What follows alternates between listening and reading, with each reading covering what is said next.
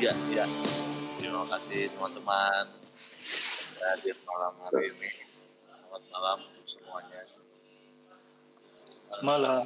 Hari ini kita bersama Andi Wahyu Zulkifli, Bes. aka Kunril. Sebagai teman-teman sebagian di sini mungkin mengenal dengan nama Kunril. Mungkin nanti akan diungkap kenapa itu Kunril bisa menjadi Kunril dari Andi Wahyu Zulkifli. Jadi malam ini Kunril akan membeberkan cerita-cerita cerita-cerita dia selama bekerja sebagai pekerja kreatif dan juga pengalaman keluh kesah hidup yang akan selalu dan selalu dipimpin oleh the one and only Ahmad Hilal. Mungkin eh, buat teman-teman seperti biasa. Kalau yang mau nanya bisa menggunakan fitur raise hand atau ditulis dulu di eh, kolom komentar. Nanti akan dibacakan atau diberikan waktunya eh, di 15 menit terakhir. Seperti itu. Untuk kandaku Ahmad Hilal waktu dan tempatnya dipersilahkan Oke, selamat malam semua. Terima kasih Eh, masih tetap eh, ikutan nongkrong setiap jam 9 malam. Hari ini eh, kita akan ngebincang-bincang dengan salah satu mantan ketua BEM eh, dulu di kampus Telkom University ya, periode periode 2000 berapa itu ya? 2010. 11, 11, 12 sama ya. Iya, Andi Wahyu Zulkifli Yusuf. Mungkin sedikit eh, cerita Andi Wahyu itu lahir dan besar di Makassar. Karena nama depannya itu sudah Andi, berarti kita sudah tidak usah dipertanyakan lagi ya. Andi itu kan bangsawan ya. Amin. Jadi mungkin memang eh, Wahyu ini kalau dilihat cukup tertata dari segi dari segi bawaannya dan segala macam. Sampai akhirnya menjadi pribadi seperti sekarang yang selalu pakai tongkok ke mana-mana, kopiah. Nah, Suara apa sih dari Fikri? iya ada suara apa tuh? Oh gitu ya. Coba saya ganti headset dulu ya. di Kunril suaranya Oh, kayak suara burung perkutut ya. Iya, burung keperkutut kecekek. Nah, ini perlu diketahui, ini yang ada di share screen kalian itu adalah foto Andi Wahyu eh, 10 tahun yang lalu, lengkap dengan komen mantannya. iya iya Ya, Sudah aman, sudah aman. aman. aman Ah ya. Ya, mungkin di sini eh, Kunril ya. Selalu dipanggil Kunril. Iya, Anda Mungkin di sini Kunril bisa kan Bapak yang kasih nama. sudah sedikit jelaskan dulu eh, pengalamannya setelah lulus dari kampus itu eh, memulai karir seperti apa karena banyak juga teman-teman yang tidak tidak tahu track track tracknya setelah lulus kampus itu berpetualang ke mana saja Waduh, dede. iya iya kurang lebih kayak begitulah jadi Jadi ceritain ya. ya mungkin kita persilakan Kunril untuk ngobrol-ngobrol dulu Oke, siap. ya Terima kasih nih Kanda waktunya. Bapak Badrun, Bapak Hilal, Bapak CB. Jadi dulu langsung cerita aja nih ya. boleh Oke. Jadi dulu saya lulus itu buat foto-fotonya. Astagfirullah. Jadi saya lulus tahun 2016 ya, kalau nggak salah itu 2016. Lulus dengan anak angkatan berapa ya? Oh masih ada Hasbi juga itu hari Hasbi. Lulus itu sempat ngulang ke bawah, kuliah sama anak 2016. Wisuda. Dan lanjut nih, pas lulus langsung lanjut ke Jakarta lagi nih. Ke Jakarta karena pengen ngembangin ya. Kalau dulu sih kemarin saya bilang, jadi biar DI saya ini tuh bisa dijadikan bisnis gitu loh. Jadi saya kan nggak mau jadi pegawai dulu memang dari dulu nggak mau jadi pegawai, nggak mau kerja di orang apa gitu. Jadi pengen buka lapangan pekerjaan. Lihat-lihat lah, ada kampus bisnis yang katanya cuma satu tahun jadi pengusaha gitu kan. Wih, menarik nih kampus nih. kuliah satu tahun jadi pengusaha. Saya saya mau daftar lah di situ. Ternyata uh, reviewnya emang bagus. Tapi kalau misalnya pas saya masuk di dalam ternyata kampus lebih kayak ke lebih pesantren sih kalau menurut saya lebih seperti pesantren daripada kampus bisnis karena emang akhlak ya yang dibenerin di situ ya. Tapi lama kelamaan saya di situ kayak saya merasa ada ikatan dengan kampus ini begitu. Jadi saya sampai-sampai saya ditarik sebagai tenaga, tenaga pengajar di situ kan dan sekarang saya masih aktif sebagai tenaga pengajar di situ. Itu nah, jadi apa, saya kalau boleh tahu. kampus bisnis Umar Usman. Kampus. Itu kampus di Pejaten, salah satu kampus yang dibawahi oleh Dompet Duafa ya. Nggak apa-apa kan kita sebut ini kan di sini ya. Gak apa-apa. Dompet Duafa, terus ada satu juga seorang motivator yang sebagai inisiatornya ya, sebagai founder kampus itu. Dan ya saya lama berke, eh, berkecimpung di situ sih, mulai awalnya jadi fasilitator dulu, habis itu jadi apa? Jadi pengajar, sekarang diangkat jadi coach di situ. Kemarin udah dapat sertifikat coach. Sekarang kalau jadi coach bisnis di sana aktif per 2019 kemarin. Seperti itu. Hmm. Dan untuk karir saya nggak banyak kerja ya. Saya nggak kerja di corporate kayak teman-teman ya. Ada beberapa teman-teman di sini yang kerja di corporate. Saya tidak memilih jalan itu karena memang saya tidak tertarik gitu. Saya tidak tertarik. Terus eh, istri saya aja sih si yang kerja di sana. Tapi semenjak beliau di Tesa hamil, saya udah bilang resign aja lah gitu kan. Biar saya yang inilah, biar saya yang kerja berat-berat.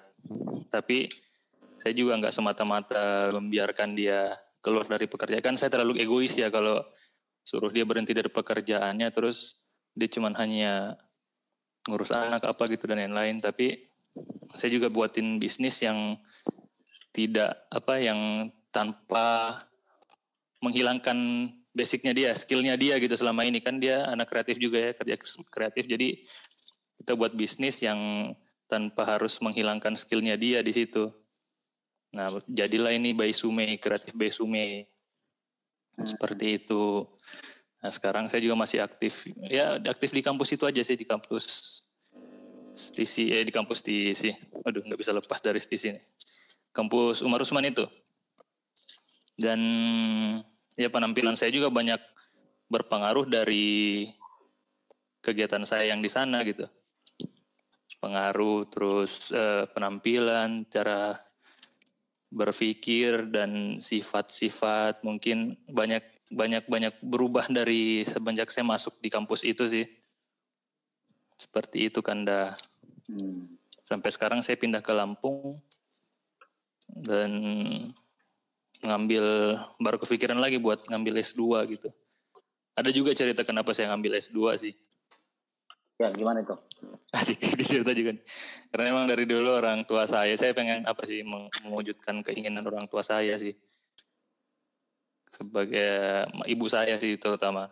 Ibu tuh dia dulu emang pengen banget jadi dosen kan. Menyesal dulu dia pernah ditawarin jadi dosen tapi nggak diambil sama dia.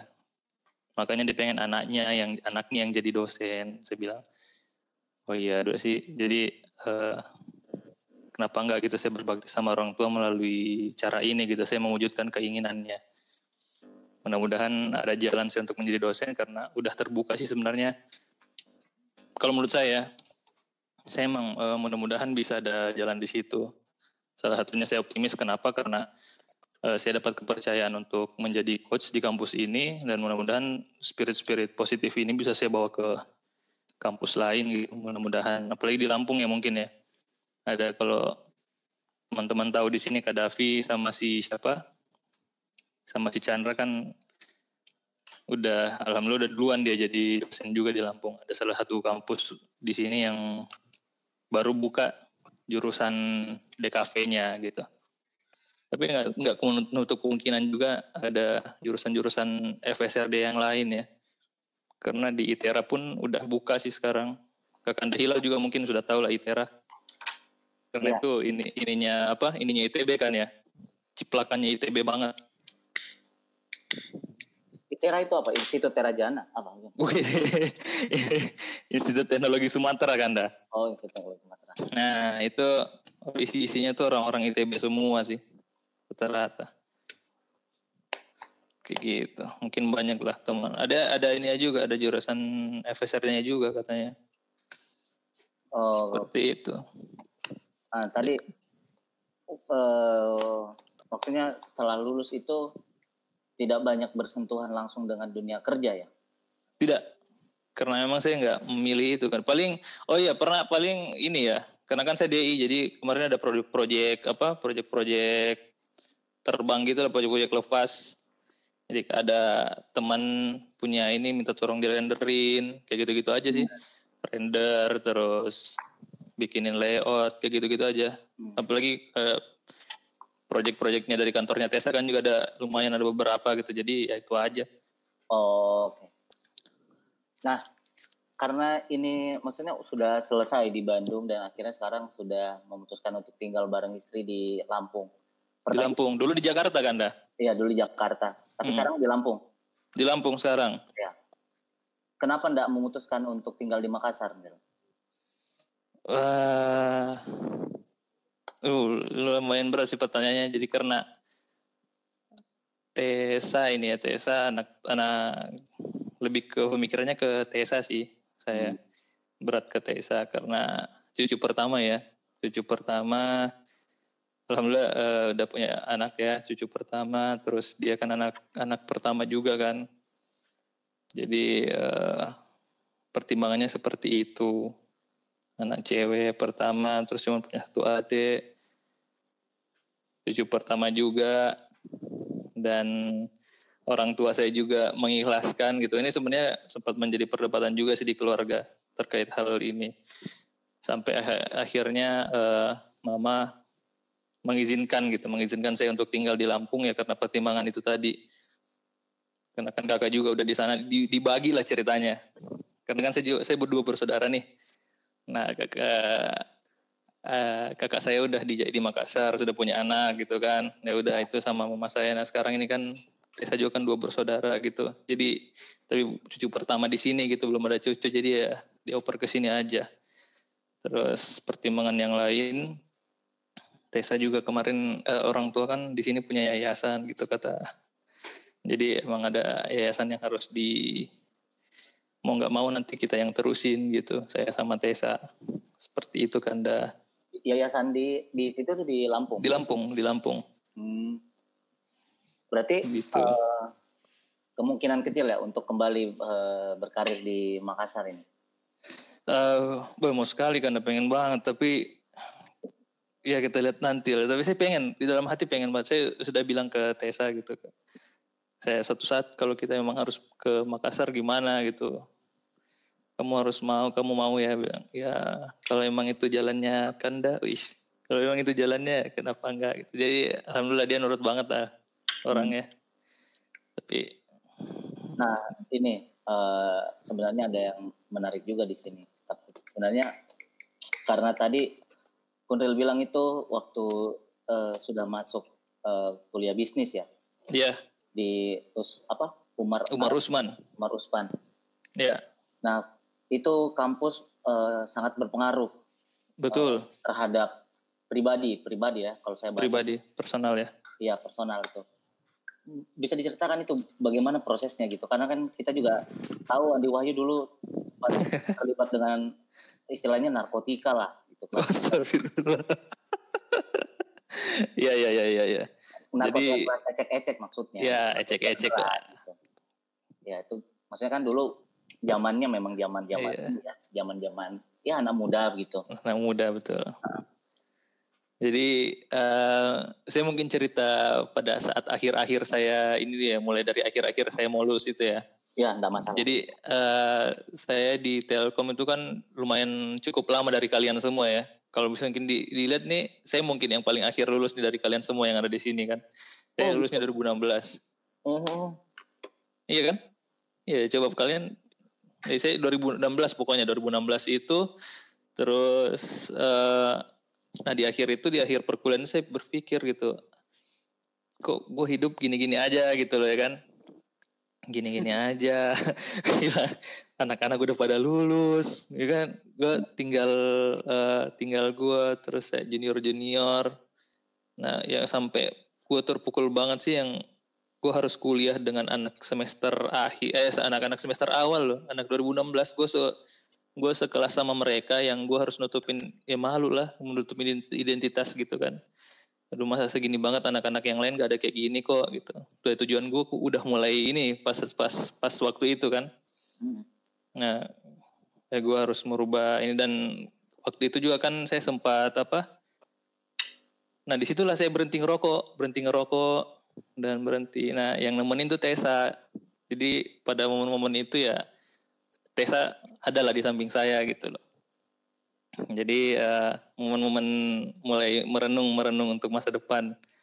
Apalagi kita kan yang merantau ini kanda kan kanda sendiri tahu lah pasti.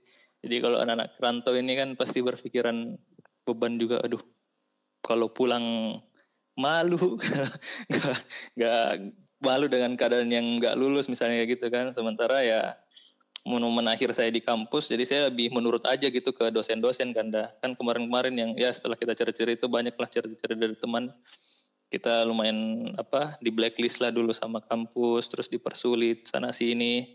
Ya sudahlah saya memutuskan untuk lebih menurut aja menurut eh, dan alhamdulillah ada jalan di situ. Menurut lebih berubah lagi keadaan. Nggak nggak nggak terlalu bergaul sana sini lagi gitu kan.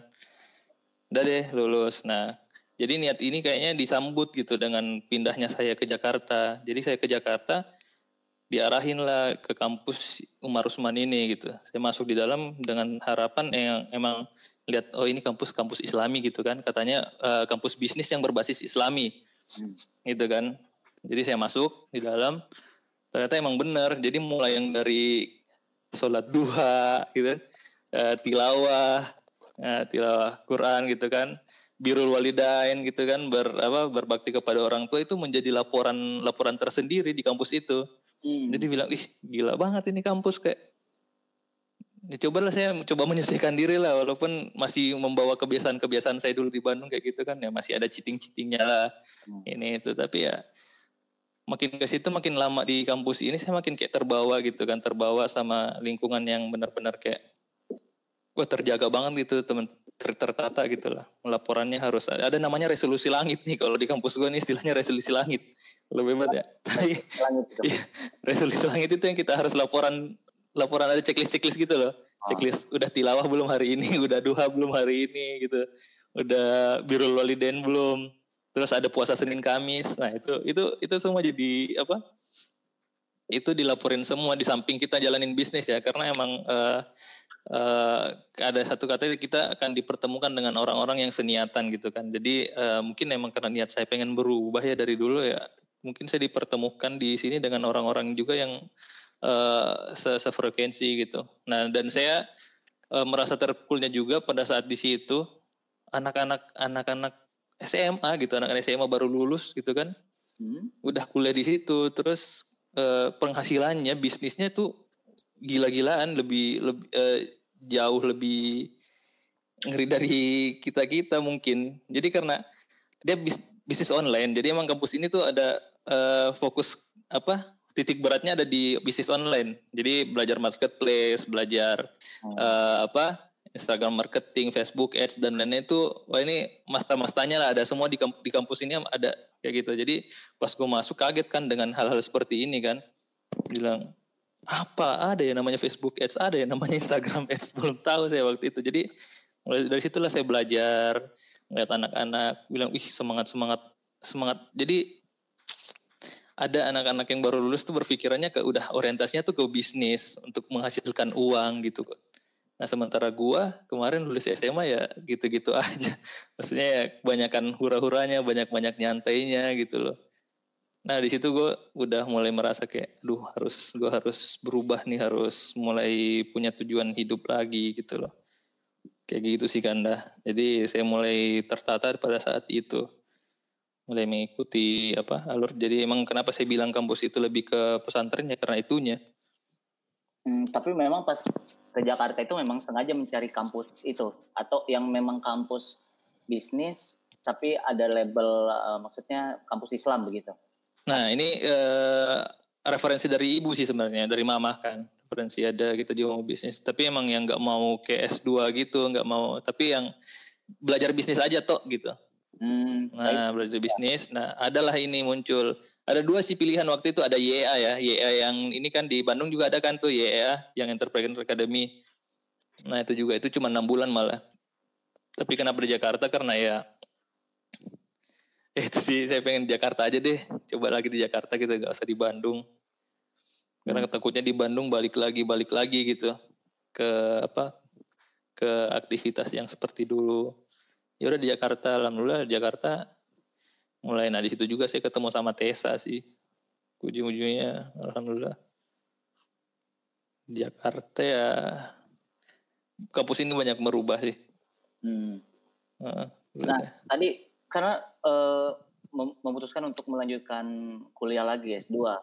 iya Di situ ada keinginan ibu untuk eh, Mm.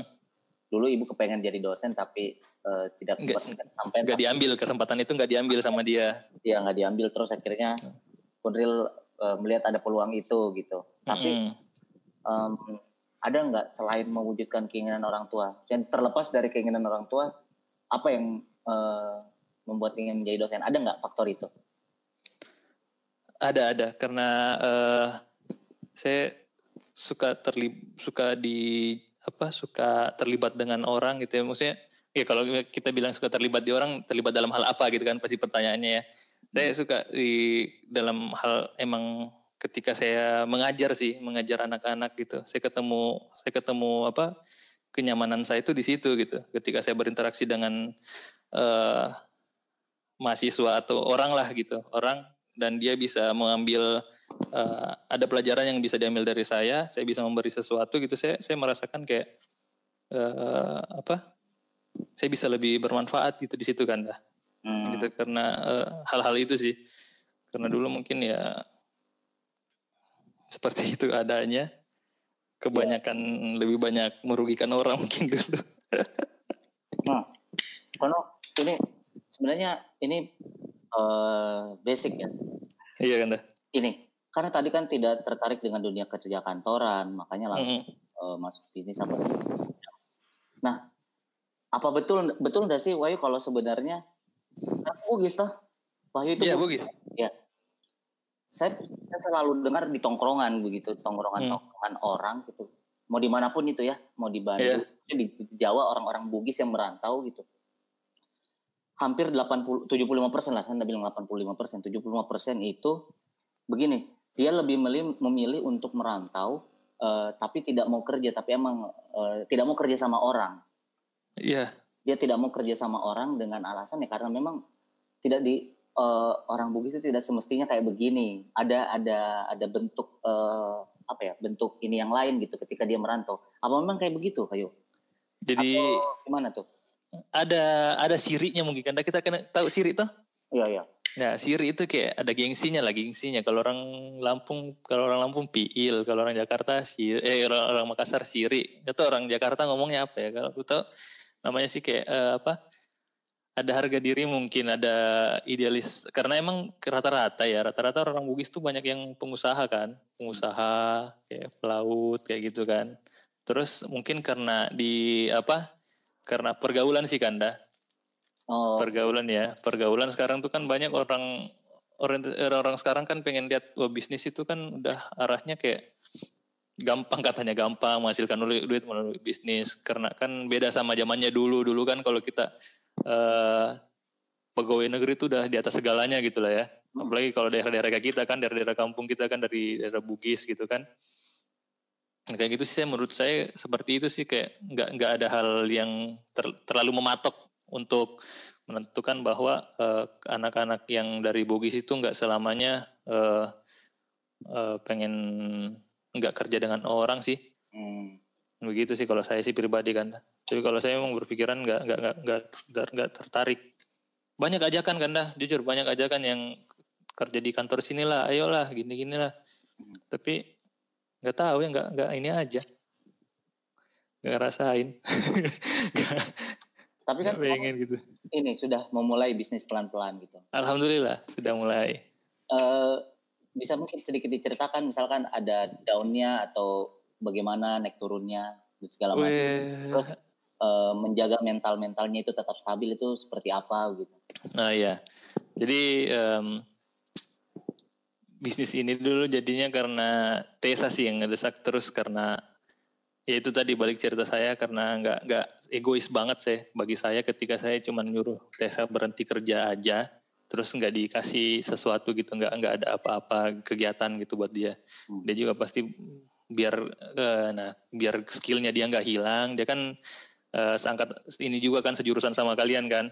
Ya. di kafe kan jadi karena kan karena di Telkom pun dia masih kegiatannya masih seperti itu masih ada berkaitan dengan desain kayak gitu-gitu dan lain-lain. Hmm. dia budak korporatnya Telkom anaknya udah di kerja Telkom. Hmm. terus eh, dan alhamdulillah dia mau juga tapi apa ya gitu yang bisa ngebujuk dia. Nah akhir-akhir dia nemuin saya tuh lagi suka kayak gini-gini ya udah dibikinin lah. Nih sebenarnya idenya dari ide sepupu saya sih. Komputernya dikit banget dulu ini bisnisnya. Jadi saya buat kayak apa paper paper apa bridesmaid box gitu loh kanda bridesmaid box itu kayak orang kalau mau ngasih kain nih mau ngasih kain ke orang ke orang yang pasangan kita teman-teman kita ya teman teman-teman orang yang mau nikah nih ngasih ke sahabatnya pakai kain kainnya tuh melalui box ini gitu loh. Hmm. jadi kayak hampers gitulah atau seserahan box ke kotak seserahan. Udahlah dibikinin. Alhamdulillah jalan nih melalui ilmu yang saya pelajarin di kampus kan internet marketing lah dan lain-lain alhamdulillah jalan setahun dua tahun boom tuh alhamdulillah. Nah eh, ada juga kerjaannya Tesa juga ada. Nah yang pas kita saya pindah ke Lampung sih yang agak beratnya. Karena di Jakarta kan semua biaya produksi kayaknya murah banget dah Hmm. mau apa aja ada di sana mau dulu biaya produksi ini murah banget. Saya bisa ambil, ambil untung tuh berapa kali lipat dari HPP-nya kan. Hmm. nah sekarang pas ke Lampung kaget. Pindah ke Lampung tuh kaget. Karena biaya produksi tuh dua hampir dua eh, dua kali lipat malah lebih mahal dari di Jakarta Hmm. Nah, jadi saya harus rubah apa? Jadi eh, ini bis apa? Bisnis plannya harus dirubah lagi. Jadi kita agak menurunkan harga apa? Menurunkan kualitas ininya sedikit, tapi tanpa harus ini kan, tanpa harus eh, bereksperimen lagi. Kita eksperimen lagi dari bahannya. Bahannya ya eh, kita turunin satu level, tapi em, yang lain-lainnya tetap gitu aja sih. Terus penjualan sih emang karena selama ini orang tahunya kita di Jakarta, jadi kita harus pengiriman dari Ban ke, Lampung ya. Kalau itu sih kita tetap nggak ini kan kita nggak tetap nggak menjadi permasalahan. Ada aja sih pasti yang ini gimana ads-nya sih. Itu kan bedanya ads sama yang ini kan. Kalau ini apa marketing biasa, kalau ads kan kita yang nyari apa nyari klien, tinggal bayar di Facebook berapa gini-gini ya itu yang akan mengundang apa customer. Hmm. jadi itu itu nggak terlalu eh, nggak terlalu menjadi apa nggak terlalu menjadi masalah sih. Alhamdulillah juga nih kita sekarang udah produksi sendiri di rumah. Ada beberapa hal ada beberapa perintilan-perintilan kan yang bisa dikerjain di rumah. Makanya eh, jadi lebih enak gitu kan dah. Dulu kan apa-apa di percetakan sekarang udah enggak alhamdulillah ada modal lah yang bisa diputar gitu loh untuk beli barang-barang alat-alat produksian Oh jadi sekarang base-nya sudah produksi sendiri ya di rumah. Alhamdulillah ada untuk beberapa ini ya untuk beberapa apa untuk beberapa poin kayak misalnya tapi kalau misalnya untuk hasil-hasil cetakan beda-beda kan ya kualitas-kualitas cetakan beda-beda nih Ya ya. nah jadi kalau yang misalnya berat-berat yang harus eh, apa kayak gambar-gambar yang full color lah udah yang macam-macam lah warnanya gitu kan. Itu kita kayaknya harus kirim ke ini lagi ke percetakan. Nggak bisa pakai printer yang biasa ini. Hmm. karena kan terbatas juga sih kemampuan printer kalau gini. Kalau printer ini ya printer apa yang masih pakai tinta gitu. Beda sama yang ke yang yang laser. Ya printer laser beda kan. Terbatas sih kemampuannya ini. Hmm, gitu. Nah, em, selama ini nih ya, selama COVID ini nih, kan Wahyu harusnya sebenarnya sedang ke Jakarta ya, kuliah ya. iya iya tapi akhirnya eh, mungkin bisa lewat online apa dan segala macam Ya. itu ada dampak juga nggak ke bisnisnya Wahyu Wih banyak banget dampaknya kan dah. hmm. Jadi hampir hampir dua bulan ini nggak ada orderan. Dua bulan ini nggak ada orderan sama sekali untuk dan emang saya ads-nya saya hentiin. Jadi kan selama ini kan iklan di Facebook ya. Selama ini jadi saya stop karena percuma kita ngeluarin iklan terus nggak ada orderan gitu karena nggak ada juga yang mau adain acara nikahan. Karena kan ini orang dipakainya orang-orang nikahan kan, orang yang mau nikah kan. Jadi ya ya saya stop dan saya putar eh, putar-putar lagi sambil ada pemasukan dari kampus kan, tetap ngajar kan, tetap ngajar melalui online. Terus eh, sementara itu saya juga harus kuliah juga di Jakarta untuk membiayai ya banyaklah pertimbangan ya untuk mensiasati itu saya ya jujur aja nih saya jual-jualan yang lain Hmm. Nah, jadi saya ada jualan kayak jualan makanan, jualan eh, jualan itu apa? Jualan kurma kayak gitu-gitu kan dah. oh iya iya Nah, jadi eh, kan ibu, ibu nih bisa jago masak ya. Nah, saya ngambil potensi itu, ngeliat potensi itu ya saya saya angkat ke bisnis. Alhamdulillah jalan sampai sekarang. Namanya dapur Mintu. Jadi dapur Mintu itu jualannya ada apa? Ada dendeng, kayak gitu gitulah teri kacang. Pokoknya makanan-makanan yang awet gitu yang bisa dikirim sana sini terus bisa kita konsumsi lama lah. Hmm. Kurma juga salah satunya, saya jual kurma. Nah, terus wedding tetap aja sih ada kanda yang jadi alhamdulillah sekarang eh, ini tuh jadi ini eh, dapat orderan ada beberapa kan. Jadi mereka tuh mesen ordernya untuk ini untuk jadiin dijadiin hampers untuk lebaran. Jadi banyak boxnya untuk nanti mereka yang isi apa gitu untuk dijadiin lebaran untuk ini untuk apa bingkisan lebaran gitu loh. Nah, parcel. Hmm. Alhamdulillah ada aja gitu ininya. Jadi eh, ada jalannya lah. oh berarti eh, sekarang lagi eh, maksudnya bisnis kuliner ya Ya kuliner, kuliner kuliner. Tapi ini masih jalan sih, masih jalan juga. Alhamdulillah. dan itu base nya di Lampung berarti sih Di Lampung, di Lampung kan dah. Oke, oke, Chris, eh, kalau kita lihat ini ya, eh, sebenarnya Adi Wayu ini sebenarnya berubahnya 99 persen kalau dibilang. dari dari dari dulu ini ini hampir kalau saya lihat hampir sama juga dengan teman kita eh, Aswal. Iya. Ya ada perubahannya itu dibilang juga tidak tidak juga karena kita yakin suatu saat orang akan berubah begitu. Tapi karena kita dulu hidupnya berdampingan, beriringan, dayanya lebih cepat daripada kita. Ini gimana ini? Di di di di di di. di. Begini nih. ini akan menjadi kapasitasnya Kak ini di sini. Iya. Kalau kalau kita kalau kita yang di sini eh, maksudnya eh, persoalan nggak tahu ya. Kalau saya melihat ini masalah ini kayak persoalan hidayah begitu. Bagaimana menyikapi ini? menurut? Karena saya belum dapat juga apa memang kita saya, saya pribadi dis- disuruh ugal-ugalan dulu apa bagaimana ini? eh tapi Kanda begini nih, ada hal menarik ya Kanda ya. Iya. Jadi eh, saya kan masuk di kampus ini saya sempat menjadi eh, fasilitator juga terus jadi dosen sekarang kan. Jadi ada cerita-cerita yang ya apa ya jahiliyah mungkin ya cerita jahiliyah masa lalu itu ada gunanya ya ada pelajaran yang bisa saya ambil gitu. Jadi kan rata-rata anak-anak yang masuk di Umar Usman ini anak-anak yang kayak kalau orang Makassar bilang baru baka lah. Jadi kayak dia tuh kayak anak-anak yang apa ya anak milenial yang eh, kayak apa-apa tuh gampang terus masih mengandalkan ini orang tua terus nakal-nakalnya si eh, nakal-nakalnya yang udah pernah kita lewatin lah kayak gitu lah kan Dara. Iya. Nah, iya. jadi ad- jadi saya bisa men- saya bisa menggunakan pendekatan itu ke mereka gitu. Jadi rata-rata mereka tuh ada beberapa anak ada oh ya, hampir semua lah anak-anak yang emang seperti background-backgroundnya seperti saya itu lengket dekat ke saya gitu. Jadi malah dia eh, bisa ter bisa apa? termotivasi gitu loh. Ah, Dan eh, kuliahnya ya minimal walaupun lu segitu-gitunya lu minimal lu kuliah kayak selesaiin gini-gini ini. Akhirnya dia eh, kalau sama saya nurut gitu. hmm. Nah, jadi anak-anak kayak gini tuh yang megang tuh saya semua. Jadi alhamdulillah sampai akhir nggak ada yang bermasalah. Begitupun pas angkatan saya ya, pas angkatan saya di sana juga uh, ya salah satu kemampuan saya itu bisa ngumpulin anak-anak gitu, ngumpulin massa.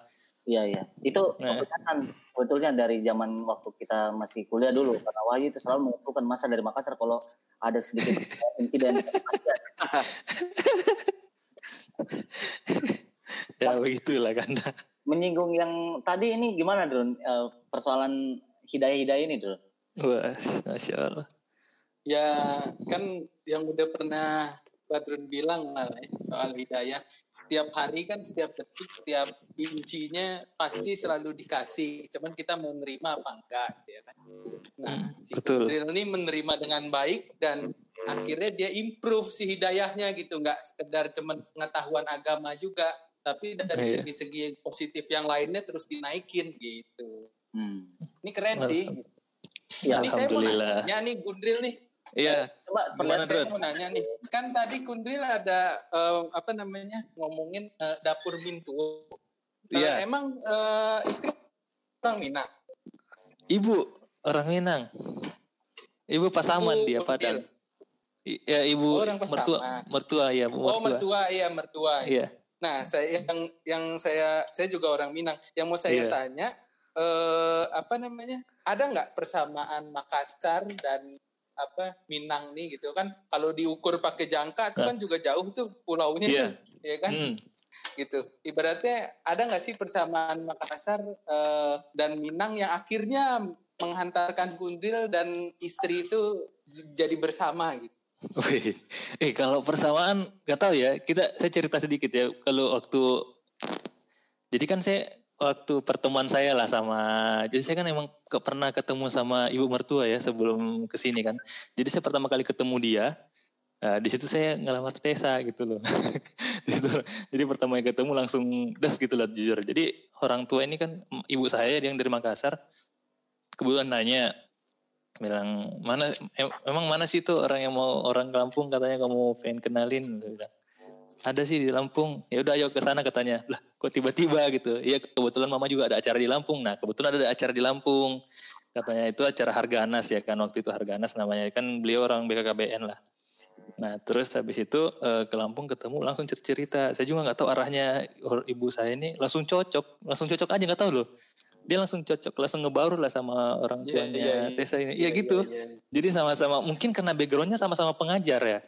Karena ibu saya kan Widya Suara, Widya Suara di BKBN di provinsi. Nah terus eh, mertua saya dua-duanya guru, gitu. Nah jadi ketemunya kayak di situ cocoknya sih sama-sama apa, nyambung langsung nyambung pas ketemu langsung nyambung gitu. Dan eh, Jadi banyak- itu yang iya gitu kayaknya.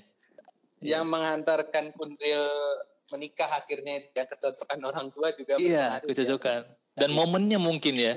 Gak tahu ya, ada aja yang Allah mudahkan gitu kan. Ya pas ya. Nah, itu dia. Allah yang mudah yang Allah mudahkan gitu kan kok tiba bisa bisanya gitu orang tua saya ada acara kebetulan ada acara ada acara di Lampung gitu loh ya udah sekalian aja kata orang tua ya udah ayo ketemu dan hari itu selesai sehari ketemu udah diomongin ini itunya langsung pas aku saya naik ke mobil berdua sama Tessa udah ngomong-ngomong tanggal wih ngomong tanggal Mantap. enak enak enak nih gitu Terus terus ini nih Gundril nih. apa itu apa namanya kan di di apa namanya di eh, kan Kundril tadi per mention ya bahwa Kundril tuh belajar eh, bisnis marketing, Facebook Ads dan sebagainya. ya betul Eh, terus Kundril dari eh, lulusan eh, DI kan ya. Mm-mm.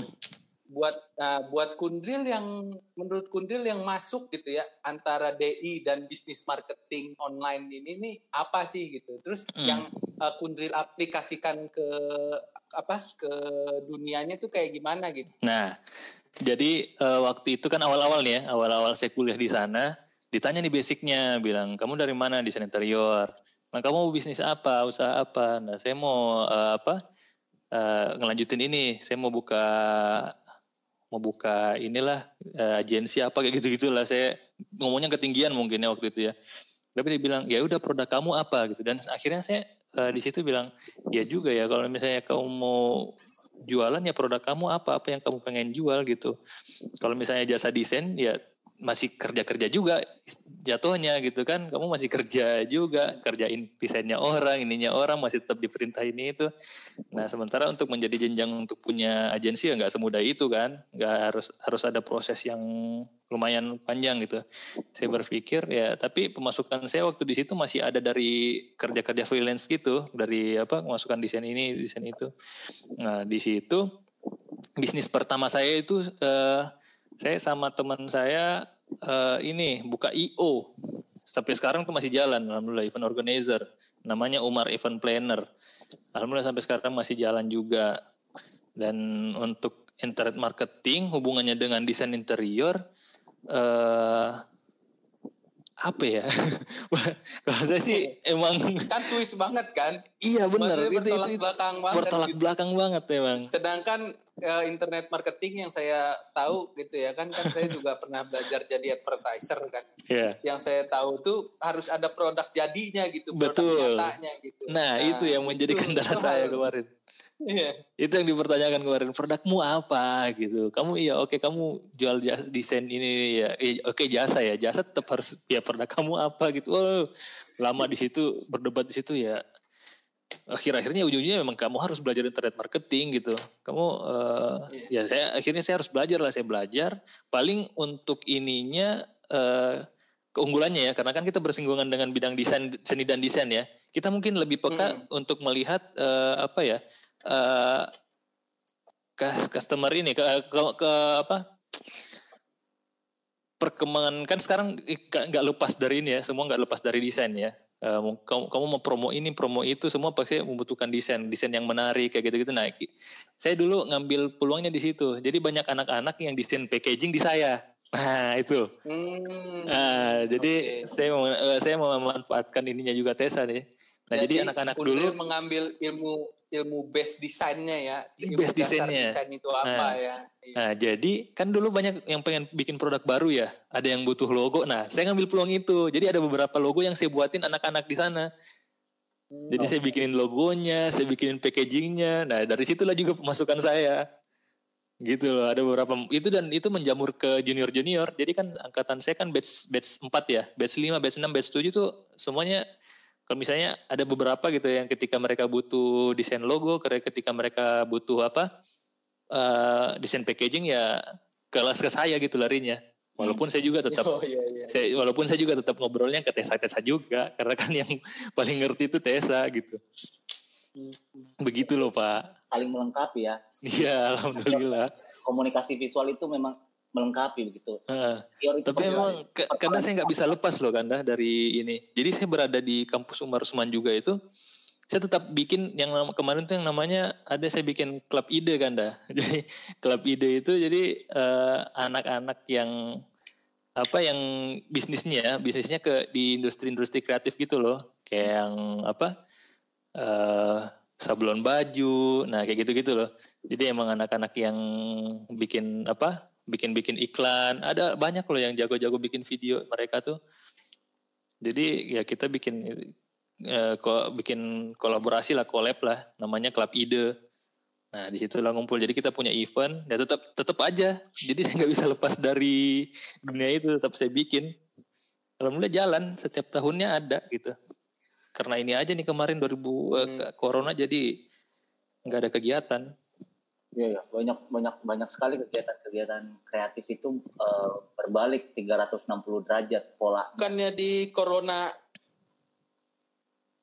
bukannya di corona ini apa namanya uh, internet marketing gitu-gitu uh, tinggi loh ininya apa namanya skalanya daripada offline. Iya kan yang sedang Kundril pikirkan apa lagi nih? Tinggi memang kan, tapi aspek-aspek uh, dari aspek-aspek tertentu, tertentu gitu loh. Terus banyak kemarin kan awal-awal corona juga banyak orang bilang, waduh industri kuliner bakal nurun nih. Ternyata makin ke sini enggak gitu, karena orang kan di rumah, ya kan orang berpikir uh, uh, nggak ke mana-mana gitu ya. Orang butuh sesuatu yang instan, ya jual-jual kuliner. Alhamdulillah laku kuliner. Yang paling jatuh Jadi, itu sebenarnya fashion. Ini ya. Iya, yang sebenarnya paling jatuh itu adalah fashion hmm. dari iya, iya. kemarin. Iya. Karena uh, ya banyak ya kalau di pembahasan di kajian ini ya di kajian di kampus saya sendiri ya, fashion yang paling banyak mengeluh sih. Anak-anak fashion anak-anak wedding anak-anak event. Event hampir sama hampir hampir nggak ada event emang. Sama sekali nggak ada event.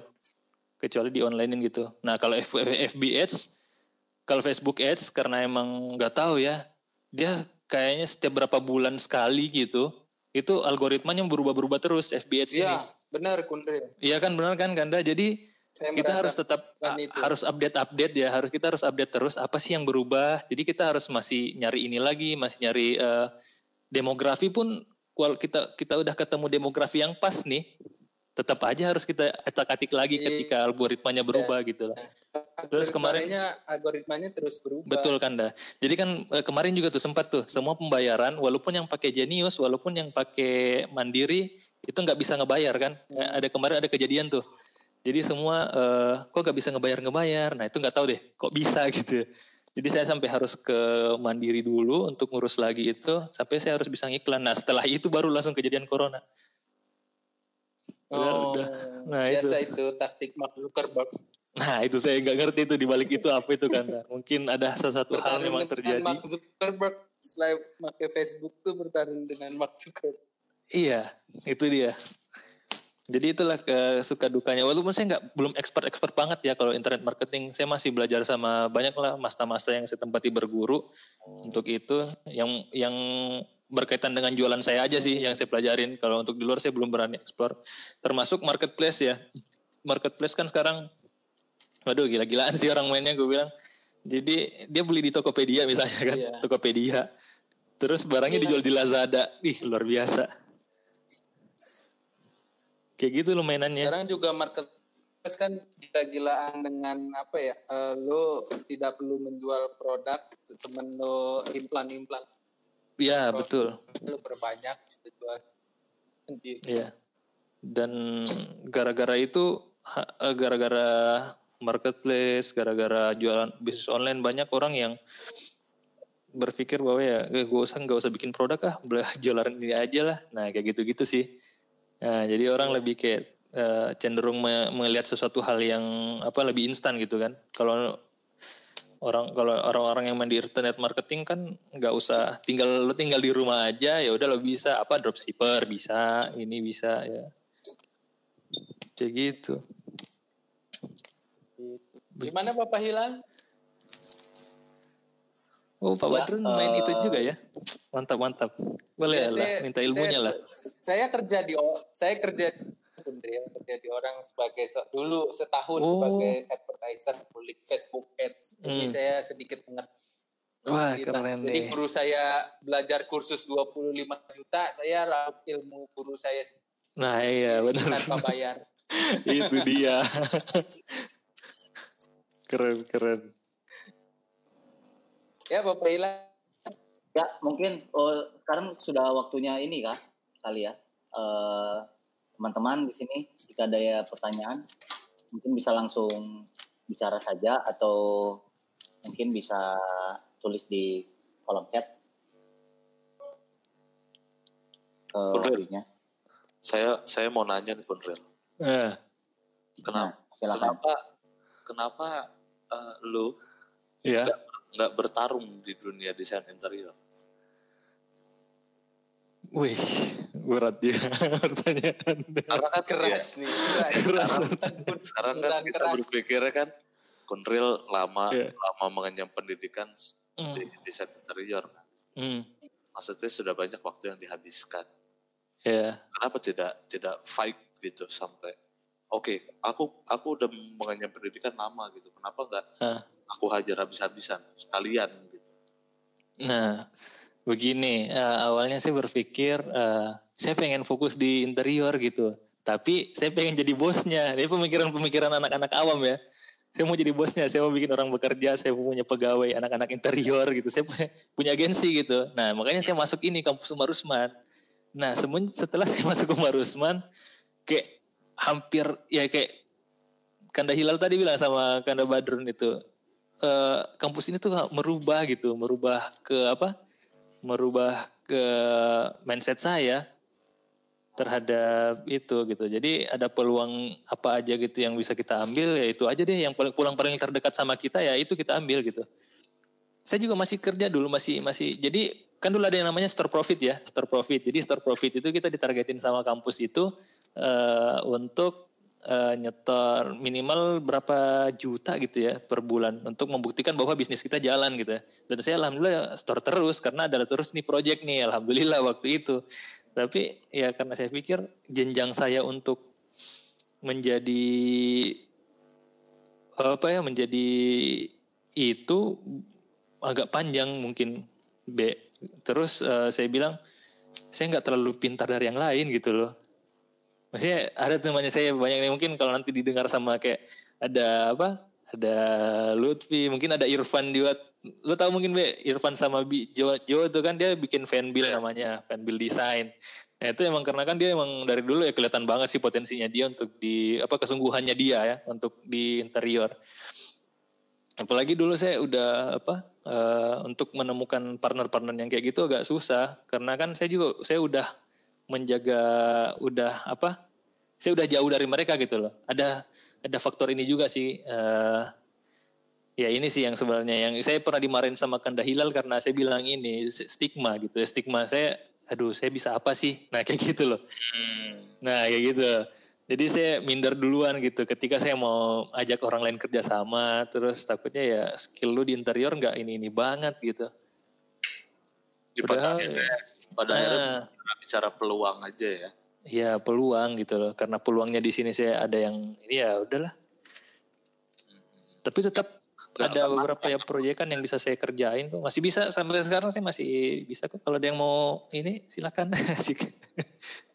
Berarti ada, akan ada kemungkinan untuk untuk ngambil ngambil satu proyekan di sana interior dong? Ada ada ada. Insya Allah. Karena saya punya uh, salah satu mimpi saya uh, ada itunya juga ada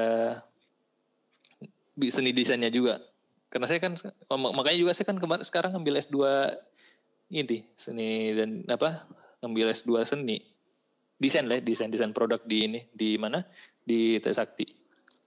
Apinya masih membara lah ya sebetulnya ya. Hmm. Nggak bisa lepas karena nggak tahu ya. Kutukan mungkin. Iya, saya tertarik dengan hal-hal gitu saya suka saya selalu mengikuti Kanda Hilal mengikuti teman-teman lah semua Dika siapa lagi kalian-kalian semua? CB saya aktif mengikuti kalian di media sosial gitu. Wih teman-teman nih bisa konsisten gitu di jalurnya gitu. Kok saya nggak bisa ya? Kayak gitu saya berpikiran kayak gitu. Saya juga pengen. Ya silakan ada pertanyaan dari teman-teman ini ada di kolom chat. Ya. ini tanya banyak kan bisa tanya putus-putus halo Badrun Badrun Badrun Badrun putus-putus Iya, itu ada his pengen hmm. Ya, coba his cepat dulu sebelum saya sebutkan ini di kolom chat. Kabarkan aku. Masya Allah. Wih, ada Ibal. Mas Andi Wahyu. Masya Allah. Eh, cepat Fikri. Jangan terlalu lama. Kondril, saya cuma mau tanya satu. Iya kan dah, apa? Paling menarik yang pernah saya tahu dari Andi Zulkifli Yusuf itu satu. Apa arti dari Playboy Syariah?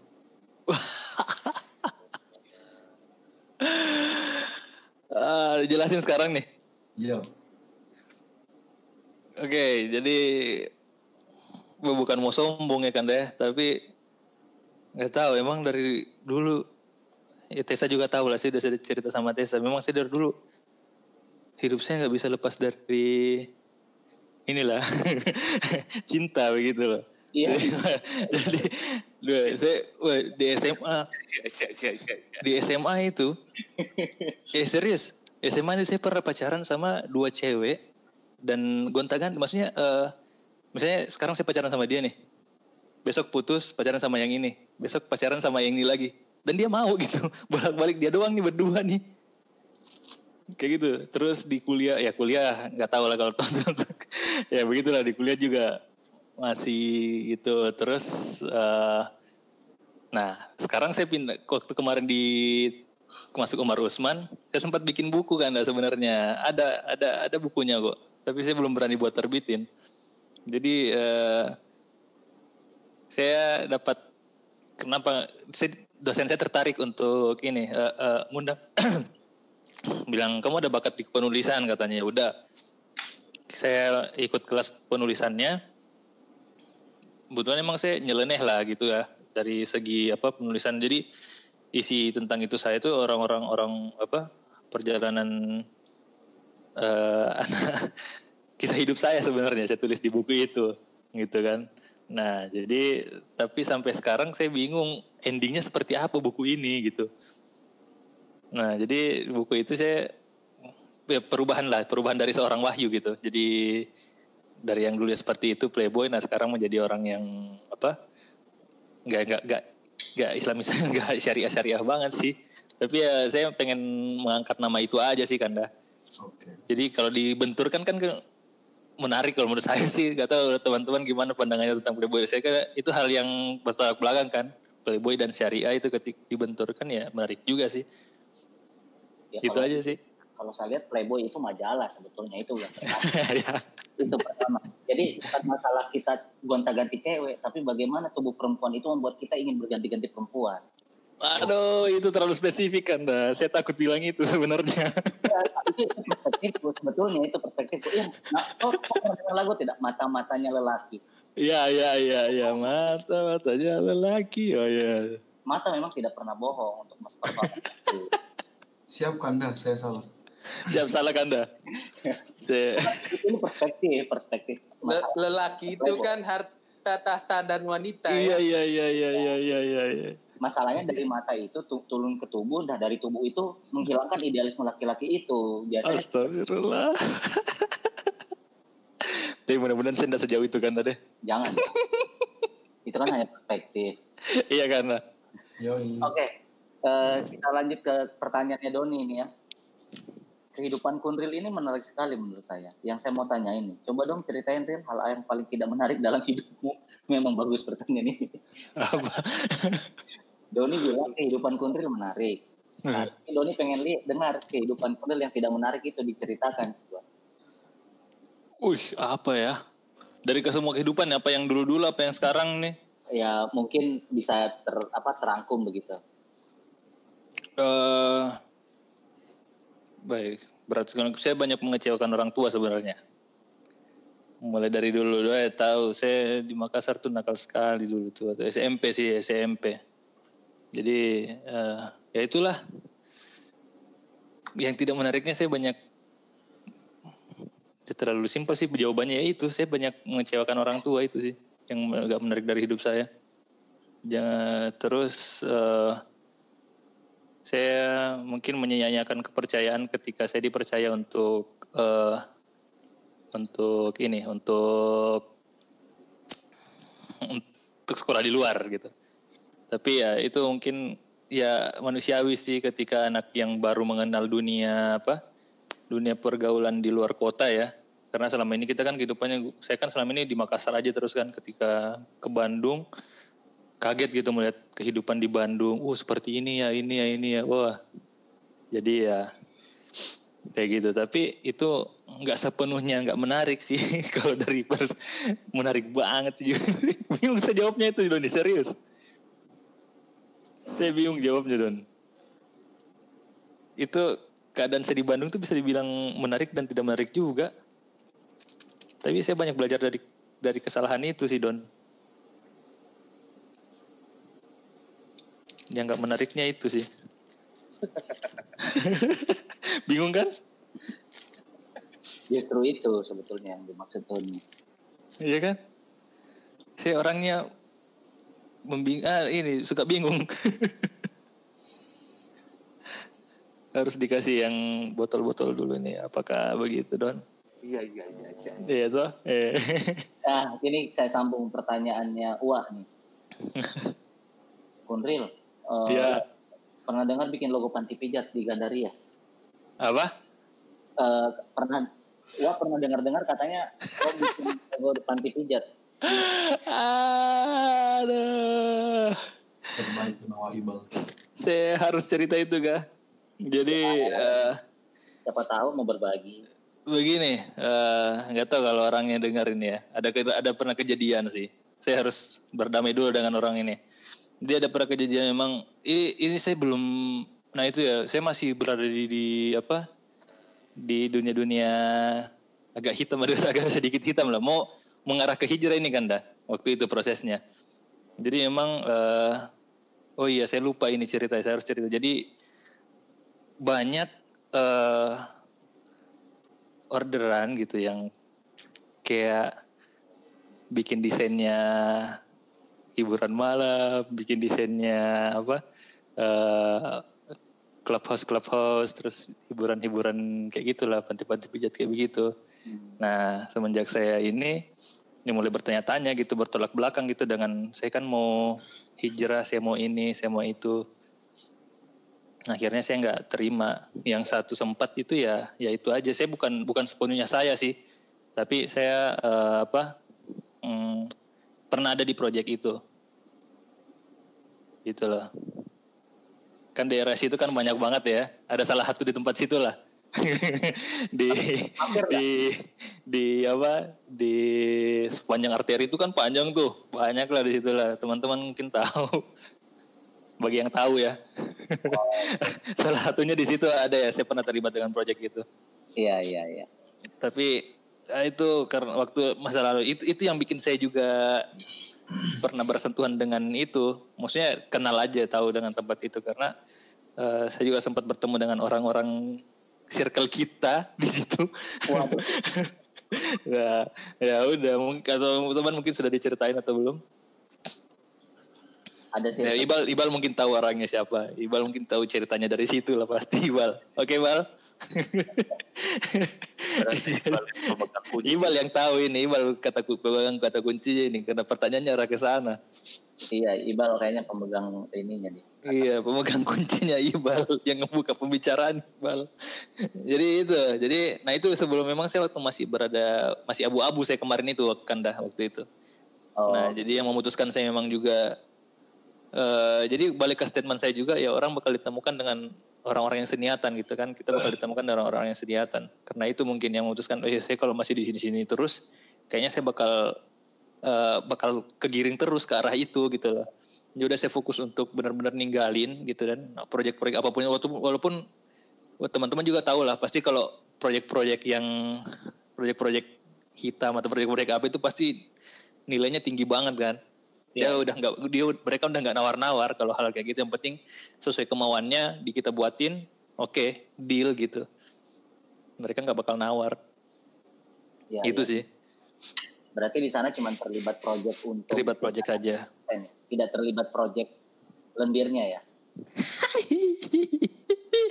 Kenapa ketawa-ketawa Iqbal, Iqbal, Iqbal, kamu pertanyaannya Terlibat tidak terlibat ya itu tidak masalah. itu apa apa sih eh, adalah dulu ya, uang hiburan lah kayak gitu kan dikasih lah kalau dana, dana hiburan kan gitu kan dana korporat juga pasti punya lah apa sih namanya tuh Ya dana dana panas lah. Kayak gitu. iya ya kayak gitu lah Hilal. tapi ya Iya. Kan kuntril ini hanya mencoba. Iya. hmm. Nyambung kata itu. Uang ini apa? Uang entertain. Nah, Uang uang entertain. entertain. Tapi jujur saya kan, kalau itu, aduh, untung saya cepat ketemu dengan orang-orang yang ini ya. Oh enggak deh. Alhamdulillah. Saya tidak terjerumus di di lubang hitam itu dalam untuk dalam waktu yang sangat lama enggak. Sekedar ngintip aja dari jendela, oh kayak gini, udah kayak gitu, gitulah istilahnya lah. Oh iya. cukup tahu aja cukup tahu gitu kan dah Oke oke oke. Em, ini sepertinya eh, ada pertanyaan dari Gaudi. Sebelum nanti setelah Gaudi, Dika boleh ini eh, untuk menutup pertanyaan terakhir. Iya Kunril dengan ilmu luar biasa da- dari desain interior, tambah bisnis, tambah internet marketing, tambah mengerti ilmu syariah, dan saat ini banyak sekali orang-orang yang jualan dengan iming-iming syariah agar lebih laku, dan banyak sekali yang terjem, terjebak dengan iming-iming seperti itu. Nah, pernah berpikir nggak untuk mengembangkan sayap ke dunia properti desain interior dengan menerapkan ilmu syariah yang sudah dipelajari oleh Mas Kunril? Wih, masya Allah, keren banget pertanyaannya Mas Gaudi. Jawab nih, langsung dijawab nih. Boleh langsung dijawab. Ya, mau banget Mas Gaudi. Kemarin tuh, eh jadi gini loh, kan itu kita circle-nya orang-orang itu ya. Mungkin ada eh tahu Ustadz siapa namanya tuh yang apa, yang punya magnet rezeki. Kan mereka tuh bikin-bikin kayak ada yang tahu namanya Kampung Kurma kan, ada perumahan juga di situ kan. Jadi kemarin memang saya kan ada ini juga nih, ada kita ada magangnya juga nih walaupun cuma setahun. Nah, saya magangnya di tempat orang properti. Nah, saya magangnya di properti Mas Bobi namanya. Dulu kantor saya itu di Actin Office Tower. Tahu nggak yang di di itulah daerah mana sih namanya itu? TBC Matupang. Nah, TBC Matupang. Nah, dari situ. Nah, saya eh, nge apa nge- melihat properti-properti kayaknya emang cocok nih sama bidang saya gitu kan. Tapi lagi-lagi ini Mas Gau, saya kayak eh, kehilangan ini saya di situ karena kita lihat ya, saya saya terlalu idealis mungkin dengan interior dulu ya. Jadi saya lihat masa ada rumah nih, kita masuk tuh langsung da, langsung meja makan gitu loh. Jadi banyak rumah yang seperti itu. Jadi orang-orang tuh sekarang berpikiran bikin rumah yang murah, ya, bikin rumah murah, terus eh, cepat jadi dan cocok untuk orang-orang yang baru-baru apa berkeluarga, terus kayak gitu-gitu loh. Banyak lah proyek-proyek yang begitu di- di- yang ditangani dengan mentor saya dulu ini. Dan itu kayaknya berbenturan dengan saya karena kan yang selama ini kita pelajari di interior itu kan terlalu ini banget ya, terlalu ada ilmunya banget ini. Itu yang namanya ini harus kayak gini lah, ini di sini dapurnya, dapur tuh nggak boleh dekat sama ini. Nah itu kayak bertentangan banget dan itu juga nggak sesuai dengan ini kan kaidah-kaidah dalam ini menurut saya kan dalam Islam yang menghalalkan segala cara terus kayak eh, asal jadi aja gitu kalau menurut saya gitu. Itu bertentangan dengan saya banget. Iya, iya. Iya kan bertentangan banget. Jadi eh, nggak sesuai aturan. Jadi masa ya kita masuk terus langsung dapur langsung ini ya sama aja kayak apartemen gitu. loh. Bedanya sama apartemen apa gitu rumah itu. Dan banyak ke rumah-rumah kayak gitu yang dibangun. Nah untuk mengembangkan sih sih mau mau mau sih Mr. Gau tapi harus punya partner dulu sih. Saya kalau saya nggak punya modal kuat untuk ke sana. Tapi kalau untuk tapi saya sudah pernah bilang kalau mau ada yang mau desain masjid itu saya gratis loh. Kemarin saya bilang ke, ke setiap ada ustadz yang datang ke kampus kan, saya bilang kayak gitu. Tad, kalau mau bikin masjid ke saya ya, saya kasih desain gratis gitu. Gak usah bayar, kayak gitu-gitu loh. Jadi saya membuka membuka celah peluang ininya melalui situ gau. Jadi kalau untuk yang mau masuk ke apa ibadah pembangunan-bangunan peribadah eh, ibadah ibadah ya kan, kayak pesantren, kayak masjid, terus kayak itu ya saya siap untuk eh, memberikan desain gratis saya gitu. Masya Allah, Masya Keren Allah. gau, keren gau. Saya, saya, saya tertarik itu gau. Alhamdulillah kalau Gaudi mau ini mau dong. Oh Ustadz Nasrullah, saya ingat namanya Ustadz Nasrullah. Nah dia itu. Jadi pernah nggak salah ada mau bikin apartemen syariah juga, coy. Jadi ada satu apartemen tuh mau dibangun sama ada beberapa tuh ada beberapa ustadz gabung tuh pengen bikin itu. Tapi nggak tahu sampai sekarang nggak nggak jadi-jadi eh. karena syariahnya mungkin. Karena ini syariah ini iya serius susah segampang gitu. Bank bank pun ya kalau teman-teman tahu ya emang bank nggak nggak eh, namanya doang yang syariah kan tetap ada tetap ada permainannya di belakangnya. Maksudnya dia mengambil untung dari bagian sini ini tetap ada riba-ribanya juga. Berat sih kalau mau bahas fikih-fikih kayak gitu. Bagaimana bang? Lanjutkan real mantap. Iya ya. Ayo Bang Gaudi, inilah saya lah modalin saya. Waduh. Atau Bang Icai, Bang Icai. Gaudi Mau Motor bikin- siap menjadi sponsor. Iyalah. Mau bikin apa gitu. Saya siap kok. Iya, iya. Oke. Ya, mungkin Dika eh, menutup menutup eh, pertanyaan menutup eh, sesi pertanyaan kali ini. Silakan. Halo, assalamualaikum Waalaikumsalam. wabarakatuh. Akhi, Waalaikumsalam warahmatullahi wabarakatuh. Ahi, Masya Allah. Khair, Alhamdulillah. Antum apa kabar? Baik, baik. Iya Alhamdulillah. iya iya iya iya iya iya iya iya. Udah khatam berapa kali, Akhi? Alhamdulillah baru mau ini, baru mau. Iya. Mau nanya, Mas Iya. Wahyu. Iya, Mas Dika. Waduh, partner BEM gue. Jaga kesehatan ya. Iyalah, jaga kesehatan, Pak. Legend itu. Eh, Oke. eh, Mas, aku mau nanya. eh, Iya. So far sih respect lah. Mas Gundril ya, sampai sekarang gitu kan masih bisa Eh. survive ya. Alhamdulillah. Dengan playboy syariahnya masih bisa survive loh gitu kan. Alhamdulillah. Di kala pandemi gitu kan, kirain bakal Iya, iya. berubah gitu kan, jadi playboy Iya. apa gitu kan. masih masih bisa survive. Eh, kapan ke Jakarta kira-kira mas? Terus rencana katanya dengar-dengar mau bikin satu apa skema eh, ini ya eh, creative house seni rupa atau apa gitu. Nah, pengen. pernah dengar gitu. Pengen. Ya, saya itu saya ngomong-ngomong sama Kanda Hilal itu. Mm-mm. Saya Itu pernah gimana pengen gimana? bikin. Ya, saya pengen bikin di Lampung sih. Hmm. Nah, kayak gitu. Jadi eh, karena kan ke Lampung kan saya pengen lihat eh weh, saya terlalu idealis atau terlalu sok-sokan tapi saya melihat peluang ini di Lampung gitu. Jadi setelah saya cerita sama anak-anak di Lampung banyak kan anak-anak Lampung kayak Adityo terus siapa lagi kayak Chandra terus Kadafi gitu kan. Jadi kita nih selama ini kan eh, Lampung kan salah satu kota yang paling dekat dengan Jakarta ya. Harusnya itu dia kota ya selain Bandung, seharusnya dia kota kedua lah atau kota ketiga yang lebih berkembang setelah Jakarta gitu kan. Nah, kenapa kita nggak bikin atmosfer seperti itu di Lampung gitu?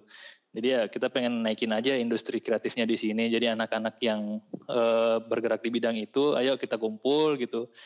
Eh, terus kita bikin satu ekosistem yang produktif, ya kan? Untuk kegiatan-kegiatan apa kayak kegiatan kecil-kecilan dulu kita bikin, terus eh, pokoknya yang mendukung mendukung mendukung apa kreativitas kita lah anak-anak Lampung gitu. Terutama yang dari circle yang paling dekat dulu kita alumni Telkom kan ada beberapa udah berapa orang tuh. Ketika kita pulang ke kampung sendiri apa yang kita pengen lakukan ke kampung kita gitu dengan ilmu yang kita miliki. Itu sih. Terus ternyata ya kemarin alhamdulillah Davi terus si siapa? Si Chandra dapat ta- eh, kerjaan sebagai dosen gitu kan di ini wih keren juga senang juga saya ngeliat dia kayak gitu ya saya juga mau kayak eh ih ada peluang nih mungkin ya gue juga kayaknya waktunya buat eh, realisasiin kepengenan kemauannya ibu saya gitu. Kalaupun bukan di Lampung mungkin di mana gitu. Di Jakarta mungkin teman-teman mau bikin kampus tawarin saya jadi dosen ya gitu gue. Jadi gitu kan gitu sih Mas Dika pengen kayak gitu di Lampung. Kalau di Jakarta saya pengen ikut-ikut sama Kandi Hilal Sulu sih kalau diizinkan. Gitu. Bisa lah, pasti diizinkan lah sama Kanda Iya. Hilal nih. iya. Tinggal gitu sama iya, sama Kanda ini juga nih Kanda Dika. Kemudian ada beberapa orang kemarin saya tawarin kan kayak misalnya Dika gitu Dik mau bagi pengalaman gak ke mahasiswa saya gak sih Dik? Ingat gak saya, saya tawarin itu kan Oh, iya, iya. tawarin kan ya kan Iya, iya. nah tapi keburu kayak pandemik sekarang ini ya udah nggak jadi Ya aku respect sih sama Mas Wahyu ya. Iya. Perjalanannya. Terus masih masih masih mau masih mau bikin apa kreatif uh, Iya. house. uh, Terus masih mau bicara seni rupa itu Mm, keren gitu respect. Iya. Maksudnya kayak wow. Ya dengan perspektif masing-masing ya. betul kan dah Hmm. Bagus bagus keren Mas. Aku Iya, support sih, aku support, aku support itu pasti. Iya, karena ya itu kemarin saya nggak bisa lepas dari itu karena itu. Walaupun saya di kampus yang ya saya udah ceritakan Islaminya kayak gimana ya kampus saya itu yang Umar Usman itu saya tetap masih tetap bikin. Aduh nggak nggak enak nih kalau nggak ada nyeleneh nyelenehnya dikit terus nggak kita nggak bikin hal-hal yang kreatif sedikit gitu kita bikin kayak apa gitu pasar eh, apa kreatif dulu ada namanya Festival Wirausaha Muda ya kan? FWM itu. Nah Festival Wirausaha Muda itu yang dibikin di kampus saya gitu kan. Jadi ya itu eh, dulu sih simpel gitu. Acaranya tuh dibuat untuk anak-anak kampus ngejualin produk-produknya dari situ terus diundang orang-orang luar untuk datang gitu ngeliat produk-produk kita. Tapi makin ke sini makin kalau gue sih waktu kemarin pas adanya klub ide itu ya klub ide itu ya terinspirasi sama teman-teman juga sih sama bilang "Oh, ini anak-anak bikin ini ada klub remaja. Nggak tuh punya punya didit ya itu ya. Terus apa lagi? Ya itu kayak bagus juga sih gue bikin lah. Terus gue terapin. Jadi ilmu ini kan gue ada basic di situ kan gue ajarin lah ke anak-anak. Ini loh cara berkreatif loh kayak gitu loh. Jadi kita industri kreatif ya nggak bisa lepas dari hal-hal seni dan desain gitu kan. Sangat kental gitu ikatannya dengan ini gitu. Nah gue ada ilmu sedikit di situ. Nah gue bagilah ke mereka kayak gitu. Dan gue bisa lebih dekat dengan mereka tuh dengan ya seperti itu. Terus dia tahu sejarah gue seperti dulu kayak gimana ya dia kayak lebih respect gitu ke gue gitu. Dan gue bisa lebih enak gitu nge, nge, nge mereka dan nilai plus dari kampus gitu kan. Agak susah kan ke kampus buat nyentuh anak-anak yang waduh anak-anak wah, nah, katanya nakal gitu. Tapi ketika kita ngobrol ini ya dia ada ada hal yang lain. Mereka mungkin pengen kita respect ke mereka dulu baru uh, ini dulu baru bisa nyambung gitu omongannya. Ya gitu sih itu yang bikin gue bertahan juga di kampus itu karena gue merasa kayak ada ikatan ikatan dinas sih ya ada ikatan itu aja ya gitu mas Dika apalagi banyak lah inspirasinya dari kalian-kalian ini kan wah semua nih udah orang-orang jago semua nih kayak gitu ya, loh oke mas sehat-sehat Siap, Mas Dika. Kabarin kalau main kalau ke Jakarta kabarin dong. Iya, saya mau banyak sharing nih. Aku mau ngobrol banyak eh. Alhamdulillah, ya, akhirnya ada yang mau ajak ngobrol. mau gitu ya. Nah. tapi saya cerita saya tuh kayaknya saya di ini sama Kanda Hilal ini kayak ada ikatan khusus. Serius nah. Saya di Jakarta, saya, saya ke Bandung, eh saya ada kunjungan ke Bandung eh Kanda Hilal juga ada di Bandung kebetulan di Bandung itu ya Kanda ya ya udah ketemu aja ngobrol-ngobrol kebetulan saya bawa itu mahasiswa saya eh mahasiswa teman kuliah di Trisakti saya bawa ke sana ketemu pun. Ya mau bati sedikit lah kerinduan sama Stisi kebetulan kemarin ada mahasiswa ya Kanda ya yang ya. jualan di situ kan di taman apa namanya itu? Taman apa? Taman da, bukan taman dago taman saya lupa nama teman iya. Nah jadi ya silaturahim lah sama Baksa juga ya itu hari ya. Iya kebetulan ada Baksa juga Alhamdulillah sempat cerita tentang S2 sih waktu itu. Kita lebih ke akademis. Saya nanya-nanya referensi buku ke teman-teman. Gitu sih. Gitu loh kanda kandaku semua. Wih terhormat loh banyak orang-orang baru nih kelihatan nih. Kemarin-kemarin nggak ada. Kisahnya Andi Wahyu dari Playboy hingga ke syariah. Karena saya bedakan itu bukan Playboy syariah dari Playboy hingga ke syariah. Luar biasa. Iya, iya. luar biasa. Biasa di luar. Biasa di luar. Andi Warhol luar biasa. Andi Warhol. Andi Warhol. Ini kalau istilahnya kalau Andi Warhol itu pop art kalau Andi Wahyu itu pop syariah. Luar biasa. Widih mantap mantap. Keren itu keren keren keren keren. Iya iya pop syariah. pop syariah. Iya iya iya iya. Andi Warhol pakai baju koko ya Bukan pisang tapi kurma. Iya, betul. Kurma madu. Kurma madu. Perbarunya The Velvet Underground itu bukan pisang sekarang. Pop artnya kurma. Iya. ya Allah. Gitu lah. Sampai gue hapus semua loh foto-foto gue di ini, di Instagram gitu saking ininya ininya hijrah dulu kan itu ya kaget hijrah lah istilahnya dulu kan hijrah monumen hijrah. Ya ya wah foto, foto semua ini. tapi ya makin sekarang boleh label jangan dihapus Playboy Syariah. Iya, itu, itu bukan satu kesatuan kata tapi jelas ada perbedaan di situ. Iya. dari Playboy ke Syariah. makanya saya titik kan dah Playboy titik Syariah tuh. Iya. bukan disambung tuh ya makanya dititik. Kalau disambung maknanya beda tapi beda. udah tahu gitu. itu Bayar, Playboy hingga syariah Aduh ya Allah. Baru malam ini ya kita terasa Ramadan ya Lal. Iya. Emang biasanya gimana, Be? biasanya gimana, Be? Biasanya terlalu liar. terlalu liar. terlalu liar. Jadi memang menarik obrolan malam ini ya. Uh, kita seperti ya sebenarnya satu kalimat itu sudah merepresentasikan obrolan ini gitu hidup saya tidak pernah lepas dari cinta. Cinta iya, iya, iya, dia iya, kawan. Segera terjemahkan masing-masing gitu. Cinta, cinta dari pekerjaan, cinta dari perempuan itu kan iya. cinta itu kan anugerah kalau seperti kata Dewa bilang. Iya, iya, iya. Iya, iya. Karena cuma cinta yang bisa membawa kita ke sini. Asik, asik, asik, ya, asik. Ya, Alhamdulillah. Cinta akan membawamu. Iya. deh. Makanya yang yang ada Ahmad Ahmad itu pasti bagus liriknya. Sudah heran Maya Estianti itu bisa jatuh hati sama Ahmad Dhani karena kesempatan membawamu luar biasa memang. tinggal, tinggal kita tunggu ya Maya mana ini yang bisa jatuh hati ke Ahmad Hilal. Iya iya iya iya iya.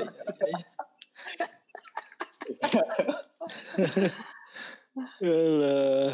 Oke, ini ada sedikit em, kesimpulan dari Badrun. Badrun mau baca atau kita bacakan ini Badrun? Mana Badrun?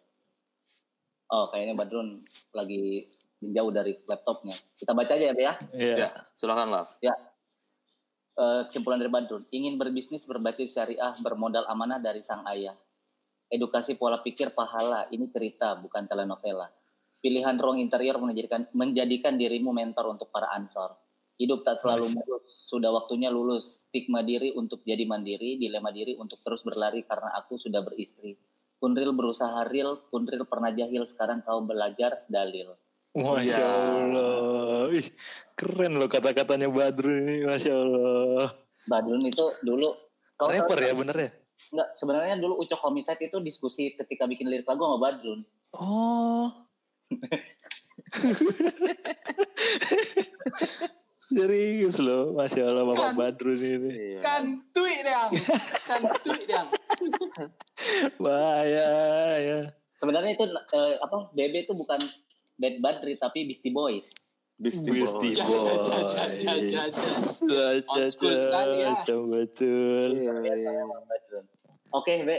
Oke, kita tutup dulu sesi malam ini ya. Iya. Terima kasih buat Andi Wahyu Zulkifli Siap-siap. yang sudah memberikan banyak cerita inspiratif ya. Eh, ada penutupannya biasa sini. kayak begini. Eh, Begini, buat Bebe. apa lagi?